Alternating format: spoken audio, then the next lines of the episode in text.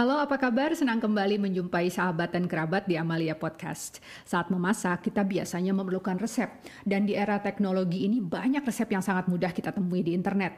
Salah satu penyedia jasa receipt sharing platform atau platform untuk berbagi resep adalah Cookpad. Ternyata selain membantu banyak orang pada saat membutuhkan resep untuk memasak, Cookpad juga mengembangkan komunitas tempat anggotanya melakukan berbagai aktivitas yang berkaitan dengan kegiatan memasak dan bisnis rumahan. Di episode ini saya mengundang Afini Razi, Community Manager Cookpad Indonesia, dan Siska Dian, pemilik kuliner Siska Cake dan perwakilan Cookpad Community Bekasi untuk berbincang-bincang tentang bisnis rumahan dan peran komunitas Cookpad. Simak perbincangan kami berikut ini.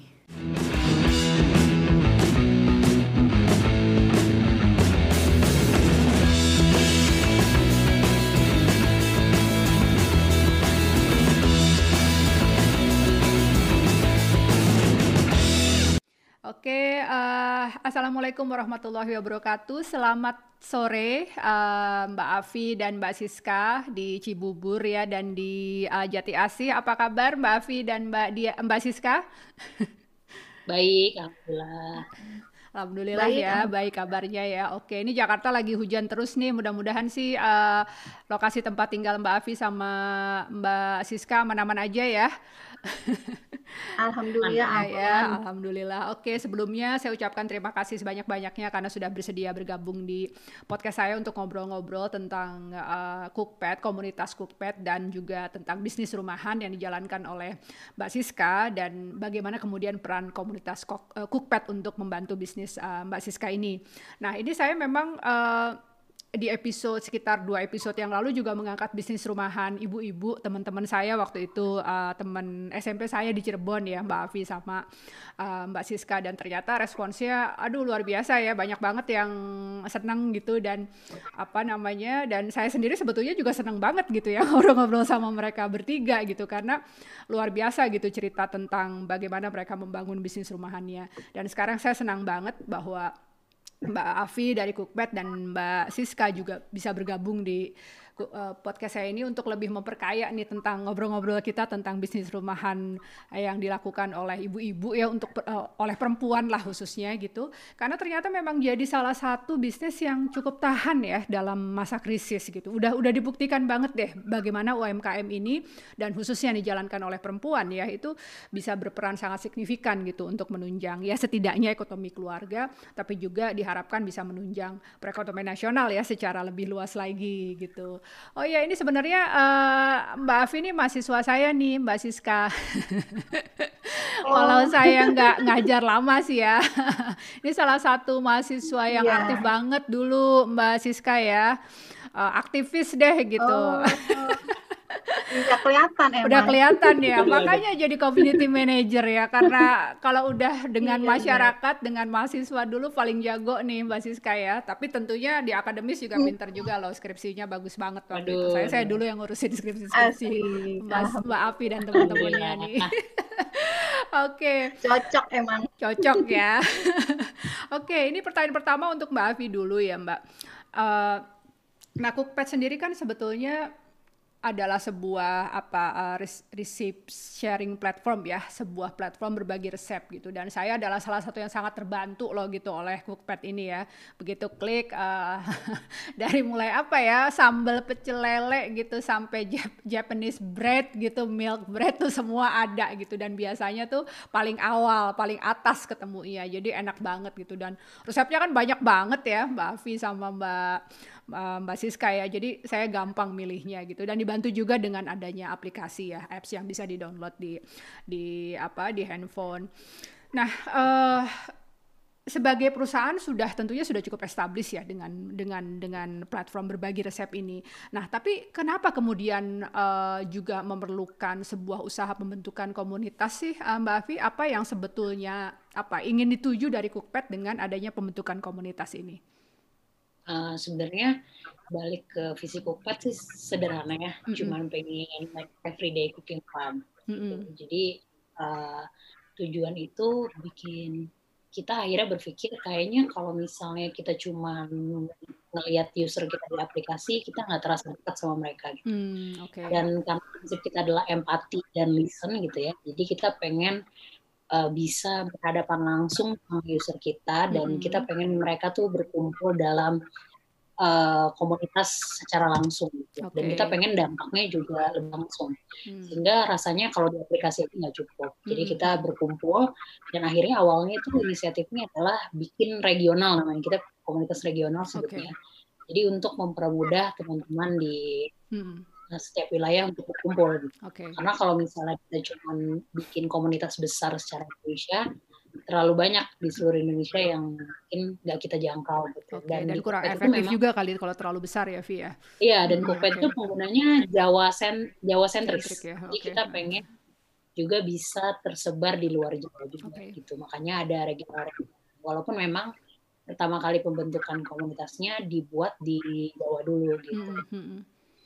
Oke, iya. jadi untuk lebih mendekatkan ke user ya, bukan cuma sekedar apa ya, apa yang bisa kita lihat di internet gitu, tapi kemudian juga penggunanya bisa saling berinteraksi. Oke, kalau Mbak Siska sendiri boleh cerita nggak sih Mbak, pertama awalnya bergabung di komunitas Cookpad ini Mbak? Uh, awalnya tuh saya baru tahu Cookpad sekitar tahun 2016. Oke. Uh, 2016 karena lihat teman-teman saya tuh suka main plating art tuh. Main apa, Mbak? Plating. Oke. Okay. Uh, eh, menghias menghias di men makanannya dihias gitu oh, cantik Okay. Uh, jadi kayak udah kayak safe safe gitu ya. Mm -hmm. Mm -hmm. Nah, jadi pengen penasaran itu belajarnya gimana, mm -hmm. apa mereka sekolah atau gimana. Terus uh, dapat info dari teman, enggak kita ada kumpulan komunitas okay. namanya Pet okay. gitu. Mm -hmm coba yuk kalau mau ayo masuk aja hmm. gitu kan saya pikir tuh seperti apa hmm. masih belum masih blank sama sekali tentang Cookpad itu terus akhirnya teman info uh, download aplikasinya hmm. gitu kan oh akhirnya begitu masuk join di uh, grupnya baru di situ diajarin awalnya tuh saya nggak ngerti kalau Cookpad itu kumpulan resep-resep. Mm -hmm. Jadi kita bisa searching resep dari Cookpad tuh saya nggak ngerti mm -hmm. gitu. Saya hanya taunya tentang art of plating aja, tentang menghias uh, tampilan makanannya, menunya aja gitu kan. Tapi semakin ke sini ke sini ternyata baru tahu kalau Cookpad itu kita bisa menyimpan resep, terus merecook atau meribek, terus yeah, iya. kemudian yeah uh, banyak tipsnya juga yang didapat dari Cookpad mm -hmm. gitu. Nah dari situ mulai tertarik. Okay. Awalnya di situ kalau saya. Oke, oke, iya. Iya, uh, salah satu feature yang menarik emang recooknya itu sih ya. Apa bagaimana kemudian jadi tiap yeah. member uh, tiap member terus berusaha untuk mempraktekkan. Terus uh, saya lihat apa uh, jadi saling support ya. Jadi misalnya uh, resepnya Mbak siapa, Ibu siapa gitu ya, berhasil gitu dia yeah. dia buat. Kan akhirnya apa ya? Kalau saya pribadi karena saya juga sebetulnya masih terus belajar masak ya, uh, Mbak Avi dan Mbak Siska ya. Itu kan uh, kalau kemudian misalnya banyak yang berhasil pakai resep itu kan kita confidence ya rasanya oke okay, gitu berarti resep ini ya. gampang ya. lah gitu ya bisa untuk uh, diikuti oleh yang lain ya itu salah satu yang saya notice ibu saya belum iya. bergabung ya. di komunitasnya sih tapi baru baru menjadi apa ya pengguna pengguna resepnya yang cukup intensif nih uh, Mbak Afi dan Mbak Siska ya oke okay. uh, kegiatannya apa saja uh, Mbak Siska yang ada di komunitas Cookpad ini kebetulan kan seperti yang Mbak Afi bilang mm -hmm. tadi, uh, Cookpad tuh dibagi beberapa area ya. Oke, okay, iya. Yeah. Nah, kebetulan saya kan domisili di Bekasi. Mm -hmm. Jadi kita ada tuh uh, di grup, di domisili uh, WA grup khusus untuk Cookpad Bekasi. Okay. Kita ada beberapa program. Mm -hmm.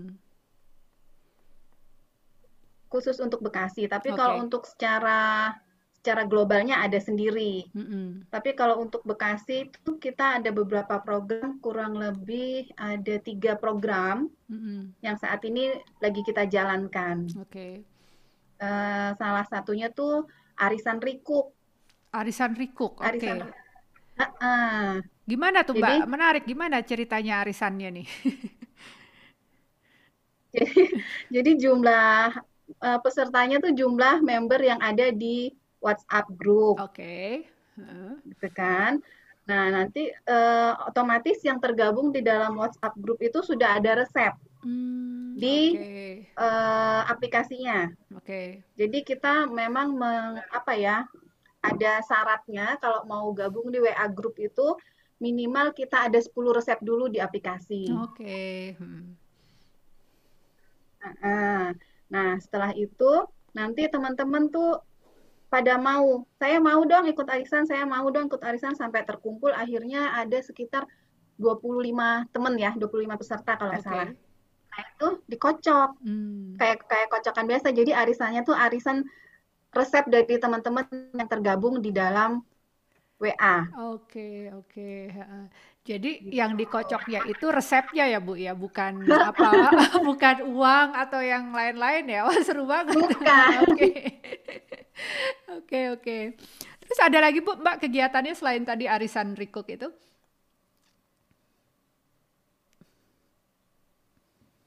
Karena sekarang pandemi ya, yeah. jadi kita mm -hmm jadi kita belum pernah keluar. Pernah waktu itu keluar ada kopdar ya. Oke, iya, iya. Jadi, ya. Seru tuh uh, biasanya kalau kopdar ya, Mbak Siska ya. uh, uh, iya benar. Jadi kita bawa makanan sendiri. Mm-hmm. Jadi kita kumpul makan bareng-bareng gitu kalau mm-hmm. kopdar. Mm-hmm. Tapi juga kita nanti bedah resep di situ. Mm, Oke. Okay. Mm-hmm. Uh, itu makanan yang dibawanya itu harus yang rikuk atau gimana resep. nih Mbak Siska? Masakan mak makanan-makanan potluck yang Jadi, dibawanya? Uh, uh, ya, potluck itu terserah kita mau bawa biasanya di list ya. Mm-hmm. Takutnya nanti kan terlalu banyak ini, terlalu banyak itu. Jadi biar balance di list yang bawa main course-nya siapa, okay. yang bawa dessert siapa Oke, gitu. oke, oke, oke, oke. Iya, menarik. Nah, uh, karena sekarang lagi pandemi, mm-hmm kita nggak bisa ketemu, ya itu salah satu kegiatannya ada collab collab kombes atau kelas online komunitas Bekasi. Mm -hmm. Sama pot berbisik. Jadi posting posting rame-rame gitu, posting bareng-bareng, okay. posting resep bareng-bareng. Jadi uh, untuk clue resepnya tuh udah kita tentukan, udah kita sepakati. Mm -hmm. gitu. Nanti itu mm -hmm. yang di posting di aplikasi. Oke. Okay, okay. nya gitu. Okay. Rebate atau recoupnya. Oke, okay, oke. Okay. Wah, menarik sekali Bu. Banyak sekali uh, Mbak kegiatan yang uh, dilakukan ya dan tidak terhalang juga oleh Pak. Gimana Mbak? Apa apa ide-ide dari kegiatan ini? Apakah memang dari member sendiri atau mungkin ada diskusi dari perwakilan Cookpad Indonesia? Dari member dan dari tentunya sepengetahuan dan bekerja sama dengan CM-nya juga. Dalam okay. hal ini komunitasnya di bawah Mbak Afi. Oke mm -mm. oke, okay, okay. wah seru banget ya. Banyak sekali ide-ide uh, kreatif yang apa yang bisa digali ya uh, Mbak Siska ya dan Mbak Afi dari uh, komunitas ini. Oke. Okay, uh, kalau tadi Mbak Siska sudah cerita gitu ya dari dari sudut pandang uh, anggota komunitas gitu. Kalau Mbak Afi sendiri dari inilah dari perwakilan uh, korpo, uh, corporate ya gitu perusahaannya ya. Itu sebenarnya manfaatnya seperti apa sih Mbak uh, adanya pembentukan komunitas-komunitas ini?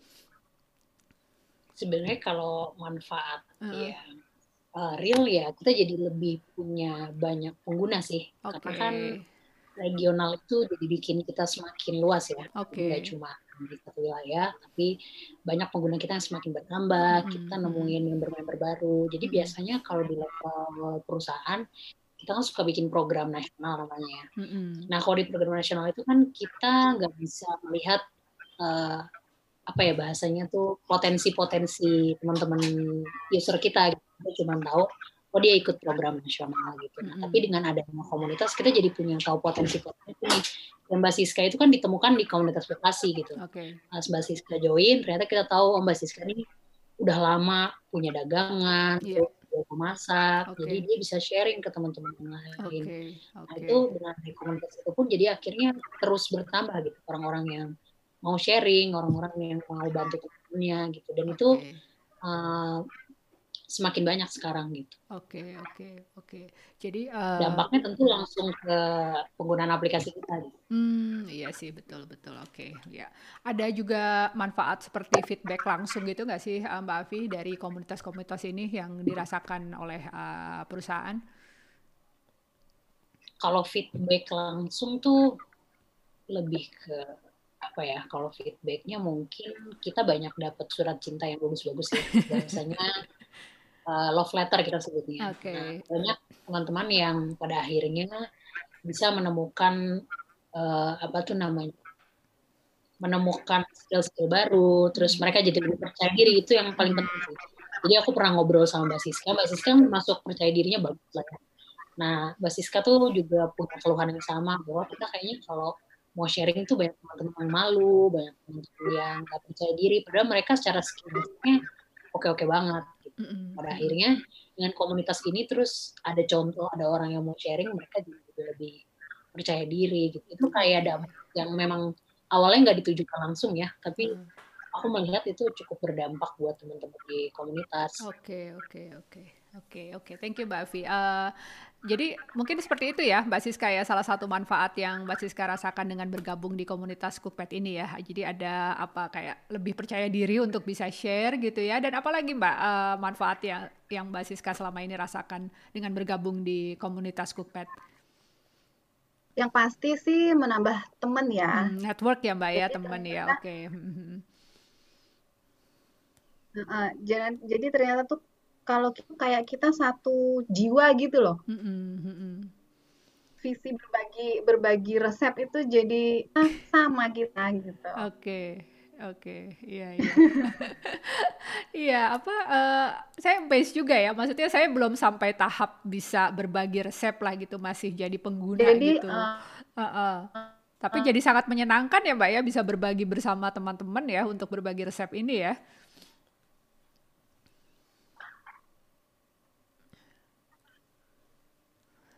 Tuh saya idealis banget orangnya. Uh. Awalnya tuh kenapa idealis? Karena saya mendapatkan sesuatu istilah resep dan segala macam tuh mm-hmm. saya mengeluarkan biaya, kemudian mm-hmm. perlu tenaga ekstra, kemudian mm-hmm. uh, masa semudah itu sih orang bisa pakai resepku, mm-hmm. istilahnya gitu ya. Oke, okay, iya iya iya. Mm-hmm gitu. Hmm. Nah, terus habis gitu kenapa ya? Jadi saya mikirnya gini. Kalau iya kalau resep ini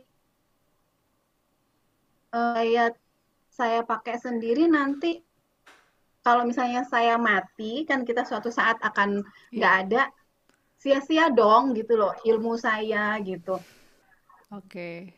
Tapi yeah. setelah ketemu teman setelah ketemu temanku mm -hmm pet mereka apa ya? Uh, jadi kayak ini loh resep aku ini loh coba deh pakai gitu. Oke okay, iya, iya. Mereka iya. aja dengan senang hati memberikan kepada kita tapi kenapa saya jadi menutup diri ya? Maksudnya membentengi diri untuk tidak memberikan resep-resep saya. Akhirnya itu uh, dengan sejak bergabung di Cookpad saya bisa melunturkan keegoisan saya itu gitu. Ternyata rezeki itu sudah diatur sama Allah. Waduh, Tuh. luar luar biasa banget sharingnya ya ampun Bu Mbak Siska saya Ma jadi uh, jadi terkesan banget. Ini jadi mirip apa ya konsep amal jariah kali ya yang akan terus mengalir ya. Uh, kalau kita bagi ya. ya benar, uh, benar benar. Saya jadi uh, uh, jadi malah uh, dengan saya saya nggak punya harta, saya nggak punya apa-apa. Hmm, hmm, hmm. Saya hanya bisa memberikan sharing resep aja gitu. Insya Allah dengan sharing resep ini amal jariah saya jadi deh ngomongnya. Iya, iya. Ada amal jariah untuk diri, diri saya sendiri. Iya, gitu. iya betul. Dan Wah, ternyata alhamdulillah kok malah lebih banyak gitu loh Mbak Lia, malah lebih banyak orderannya malah okay. lebih banyak, terus teman-teman juga malah lebih banyak. Jadi malah lebih banyak keuntungan yang saya dapat okay. daripada sebelumnya gitu. Okay. Aduh luar biasa banget ceritanya Mbak Siska. Selama ini kan kita kadang mikir kalau amal jariah tuh ilmu yang uh, terus di apa ya disebarkan atau dimanfaatkan kan kita mikirnya tuh apa guru gitu ya, dosen atau orang-orang yang bikin buku gitu kan Bu. Mbak, tapi ternyata iya. dari berbagi resep ini luar biasa ya. Kita juga akhirnya apa bisa ya ini kita bisa apa namanya ada unsur spiritual dan religius ini yang bisa terpenuhi dan dan uh, apa menarik sekali yang Mbak Siska bilang bahwa ternyata dari berbagi ini justru malah semakin luas ya Mbak ya networknya, kemudian ordernya gitu ya, semakin banyak orang tahu uh, dan semakin banyak juga yang mengenal uh, produk yang Mbak Siska ya. Waduh luar biasa banget Mbak, terima kasih banget ya sharingnya Mbak. Makasih juga. Iya, oke. Okay. Nah, sekarang nih yang uh, seru nih, pengen banget saya dengar tentang bisnis rumahan yang Mbak Siska jalani ini, yang apa uh, brandnya uh, apa Siska Cake ya, Mbak Siska ya. Jadi boleh yeah. ceritain nggak sih Mbak awalnya gimana, kemudian produknya apa saja, apakah memang khusus uh, mengkhususkan untuk kue aja atau gimana Mbak? Uh, memang saya khususkan untuk kue aja. Okay. Jadi snack, cake dan cookies. Oke, okay, snack, ke... cake dan cookies. Oke. Okay. Uh -uh. Jadi untuk masakan enggak. Oke. Okay. Iya. Jadi enggak eh, tahu ya passionnya saya tuh lebih senang ke situ Betul, gitu. lebih senang baking ya Mbak ya daripada masak gitu ya, apa bikin masakan ya. Iya benar. Uh, okay. Lebih senang baking mm -hmm. karena uh, latar belakang saya ngebaking itu saya resign dari pekerjaan saya sebelumnya. Okay. Sekitar tahun 2006 kalau nggak salah. Mm -hmm saya resign, kemudian saya nganggur, apa ya kira-kira yang bisa saya hasilkan? Karena kan biasa kita punya uang sendiri, terus minta sama suami kok kayaknya nggak enak gitu loh. Sementara kalau punya uang sendiri kita bisa beli apa yang kita mau, yeah. istilahnya gitu kan. Akhirnya eh, kantor suami menawarkan mau nggak buat kue kering buat karyawan gitu. Mm -hmm.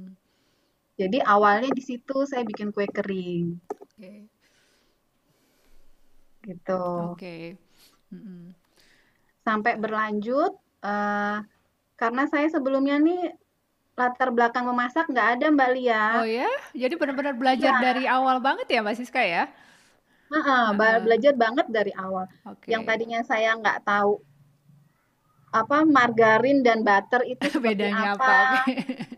Iya terus uh, emulsifier itu seperti apa nggak okay. nggak paham terus mm -hmm. protein tepung protein tuh ada berapa itu saya juga nggak ngerti mm -hmm. gitu jadi saya hanya tahu waktu itu coba resep mama kebetulan kan mm -hmm. mama saya biasa bikin cake tape sama lumpur mm -hmm. kue lumpur yang dipanggang biasa itu yeah. hanya itu aja jadi saya belajar dari situ jadi guru pertama saya ya mama saya okay. gitu yeah gitu. Akhirnya sama mama dikirimin loyang, dikirimin oven, karena memang nggak bisa apa-apa kan waktu itu. Iya. jadi, jadi resep mama saya pakai loyang ini ini ya resepnya gitu. Okay. Akhirnya belajar dari cake tape sama kue lumpur. Mm. Saya coba jualan, mm saya coba tawarkan. Kebetulan di depan komplek itu ada kayak lapak subuh gitu, Mbak. Oh, oke okay, oke, okay. iya iya. Nah, jadi saya coba tawarkan begitu jam setengah enam pagi saya keluar, saya antar ke lapak mm -hmm. itu mm -hmm. gitu loh. Nah, Alhamdulillah kok banyak yang suka, mm -hmm. uh, banyak yang bilang kayak katanya kuenya enak mm -hmm. gitu kan. Jadi ada rasa seneng ya Mbak ya, iya, ada rasa iya. puas. Jadi ada orang yang senang sama buatan kita gitu. Mm -hmm. Nah beranjak dari situ, suami saya bikinin saya uh, Facebook. Mm -hmm Facebook katanya kamu coba jualan online okay. gitu kan akhirnya saya coba tuh jualan online ternyata dari situ ada datang satu dua satu dua satu dua akhirnya mulai teman-teman kenal dengan Siska Cake. Mm -hmm. Nah untuk menambah apa ya istilahnya uh, mutu mutu jualan saya akhirnya saya gabung di satu komunitas gitu okay. untuk untuk menambah apa ya menu-menu jualan. Jadi ada beberapa komunitas yang saya ikutin hmm, gitu. Hmm, Oke. Okay. Jadi dari situ ceritanya. Oke. Okay. Nah, ini berarti awalnya itu yang kue kering itu ditawarkan ke kantor suami gitu ya, uh, Mbak Siska ya. Setelah itu kemudian iya, berkembang, ya, bikin kue juga cake dan dijual di depan komplek rumah dan kemudian tahap berikutnya adalah uh, berjualan online gitu ya, uh, Mbak Siska ya. Iya. Oke. Okay. Nah, selama ini uh, menurut Mbak Siska gimana yang paling bagus, Mbak? Maksudnya apakah penjualan online atau misalnya penjualan langsung itu uh, mana yang paling paling menurut Mbak Siska paling bagus? Karena uh, sejak tahun berapa ya? Mm -hmm. Tiga tahun aja mm -hmm. nitip jualan di lapak. Mm -hmm. Setelah itu saya lang sampai ke sini jualan online terus. Oh, jualan online terus ya. Oke, okay, oke. Okay. Mm -hmm. uh, biasanya ininya siapa Mbak uh, apa namanya customernya itu apakah misalnya buat apa ya untuk biasanya kan suka ada buat bingkisan ya kalau cake itu ya atau mm-hmm. mungkin juga untuk uh, pembelian sehari-sehari sehari-hari aja atau gimana biasanya Mbak? Kalau saya kebanyakan itu ordernya untuk pengajian. Kebetulan oh, komplek okay. rumah saya lumayan sering ya mm-hmm. pengajian itu. Waktu sebelum corona itu, mm-hmm. sebelum pandemi itu lumayan sering pengajian. Okay. Jadi mm-hmm. teman-teman tuh banyak order untuk itu menu pengajian mm-hmm. salah satunya. Mm-hmm. Kemudian uh, atau kalau enggak untuk snack di, di coffee break di kantor okay, gitu. Okay. Mm-hmm. Uh-huh. Atau kalau enggak ya terima itu ada ser, dulu sih seringnya cake ulang tahun juga. Hmm, oke okay, ya wah. Oke, okay. berarti tadi Mbak Siska sempat bilang di awal tentang menghias ya. Jadi memang itu pasti uh, apa dipraktekkan banget ya Mbak ya untuk kue-kue ulang tahun ya. Praktek menghias kuenya itu ya. Iya. Iya benar. Iya oke. Okay. Waduh saya jadi pengen banget nih kapan-kapan bisa nyobain uh, cake-nya Mbak Siska ya. Apalagi tak apa tadi yang cake tape itu sama cake apa kue lumpur itu juga salah uh, salah dua favorit saya tuh Mbak. kue klasik ya yang kayaknya sampai sekarang tetap aja banyak sekali iya, uh, yang suka itu. ya. Iya. oke okay, jadi uh, apa? Iya itu, itu di, memang kue klasik. Iya betul kue klasik. Terus ada kue-kue lain nggak Mbak yang jadi ini yang jadi apa ya? Best seller lah kayak gitu kalau dari uh, bisnisnya Mbak Siska nih? Kalau best seller sekarang cake potong, clapper mm -hmm. tart, kemudian uh, brownies cut. Sekarang kan lagi viral tuh brownies cut. Hmm, oke okay. ya pernah pernah lihat sih di beberapa medsos. So itu itu lagi lagi ini ya, lagi lagi hits ya, Mbak Siska ya? Iya. Oke. Okay. Lagi hits Oke lagi. Oke, okay. jadi sama snack apa lagi tadi Mbak selain apa brownies brownies cut?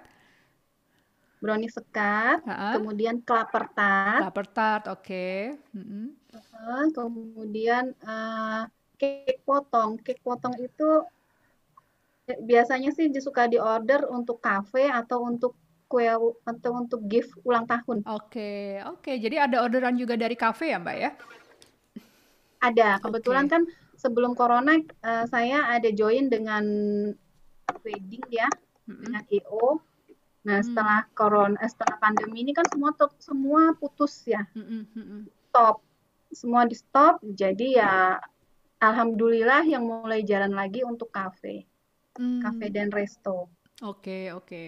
Nah, ini berhubungan sama pertanyaan saya berikutnya sih, uh, Mbak Siska ya, itu tadi karena apa uh, kita kena pandemi ini kan pasti banyak bisnis terdampak ya tadi Mbak Siska sudah sebutkan gitu bahwa pasti apa ada juga order yang berkurang. Tapi sejauh ini uh, yang masih survive itu apa tadi untuk kafe ya Mbak ya. Kalau untuk orderan dari yang lain juga ke masih kemudian ada ada tren ini nggak Mbak pemulihan gitu kemudian orang mulai order lagi cake dan lain-lain gitu. Ada jadi saya hmm. uh, apa namanya hmm, mulai lagi dengan frozen snack. Oke. Okay.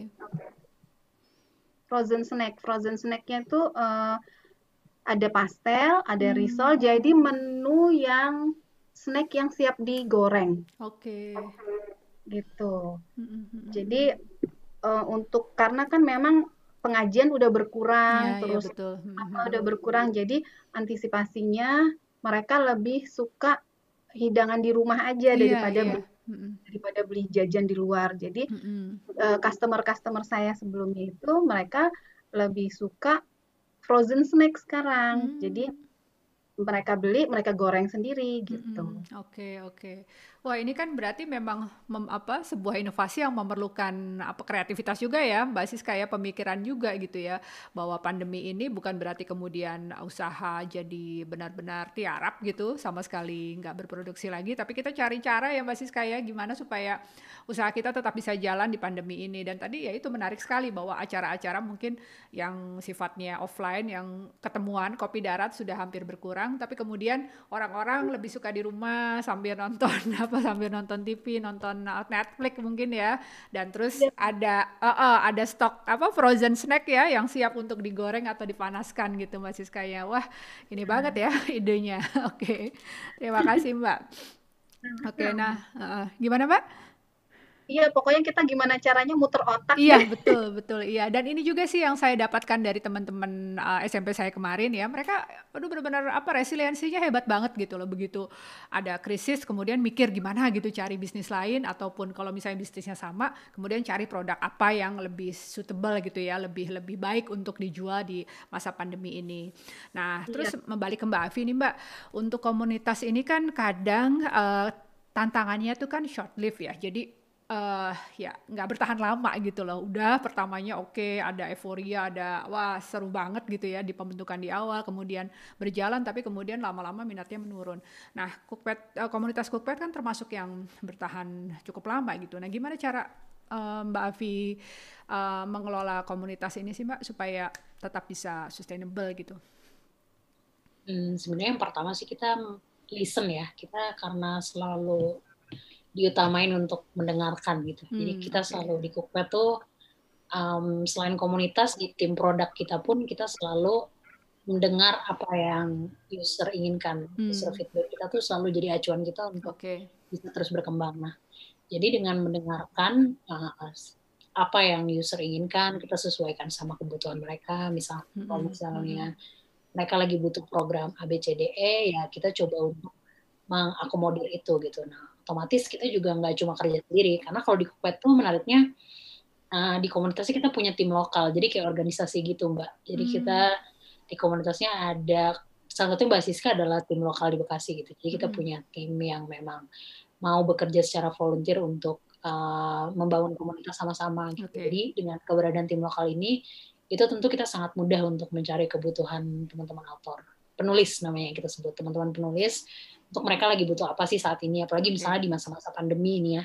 Kita sering banget tuh mendengar mereka lagi butuh apa sih? Oh misalnya peningkatan skill. Karena mereka harus masak lebih banyak uh, karena semua anggota ru uh, rumah semua ada di rumah gitu. Mm -hmm. jadi mereka harus punya variasi yang beragam setiap harinya.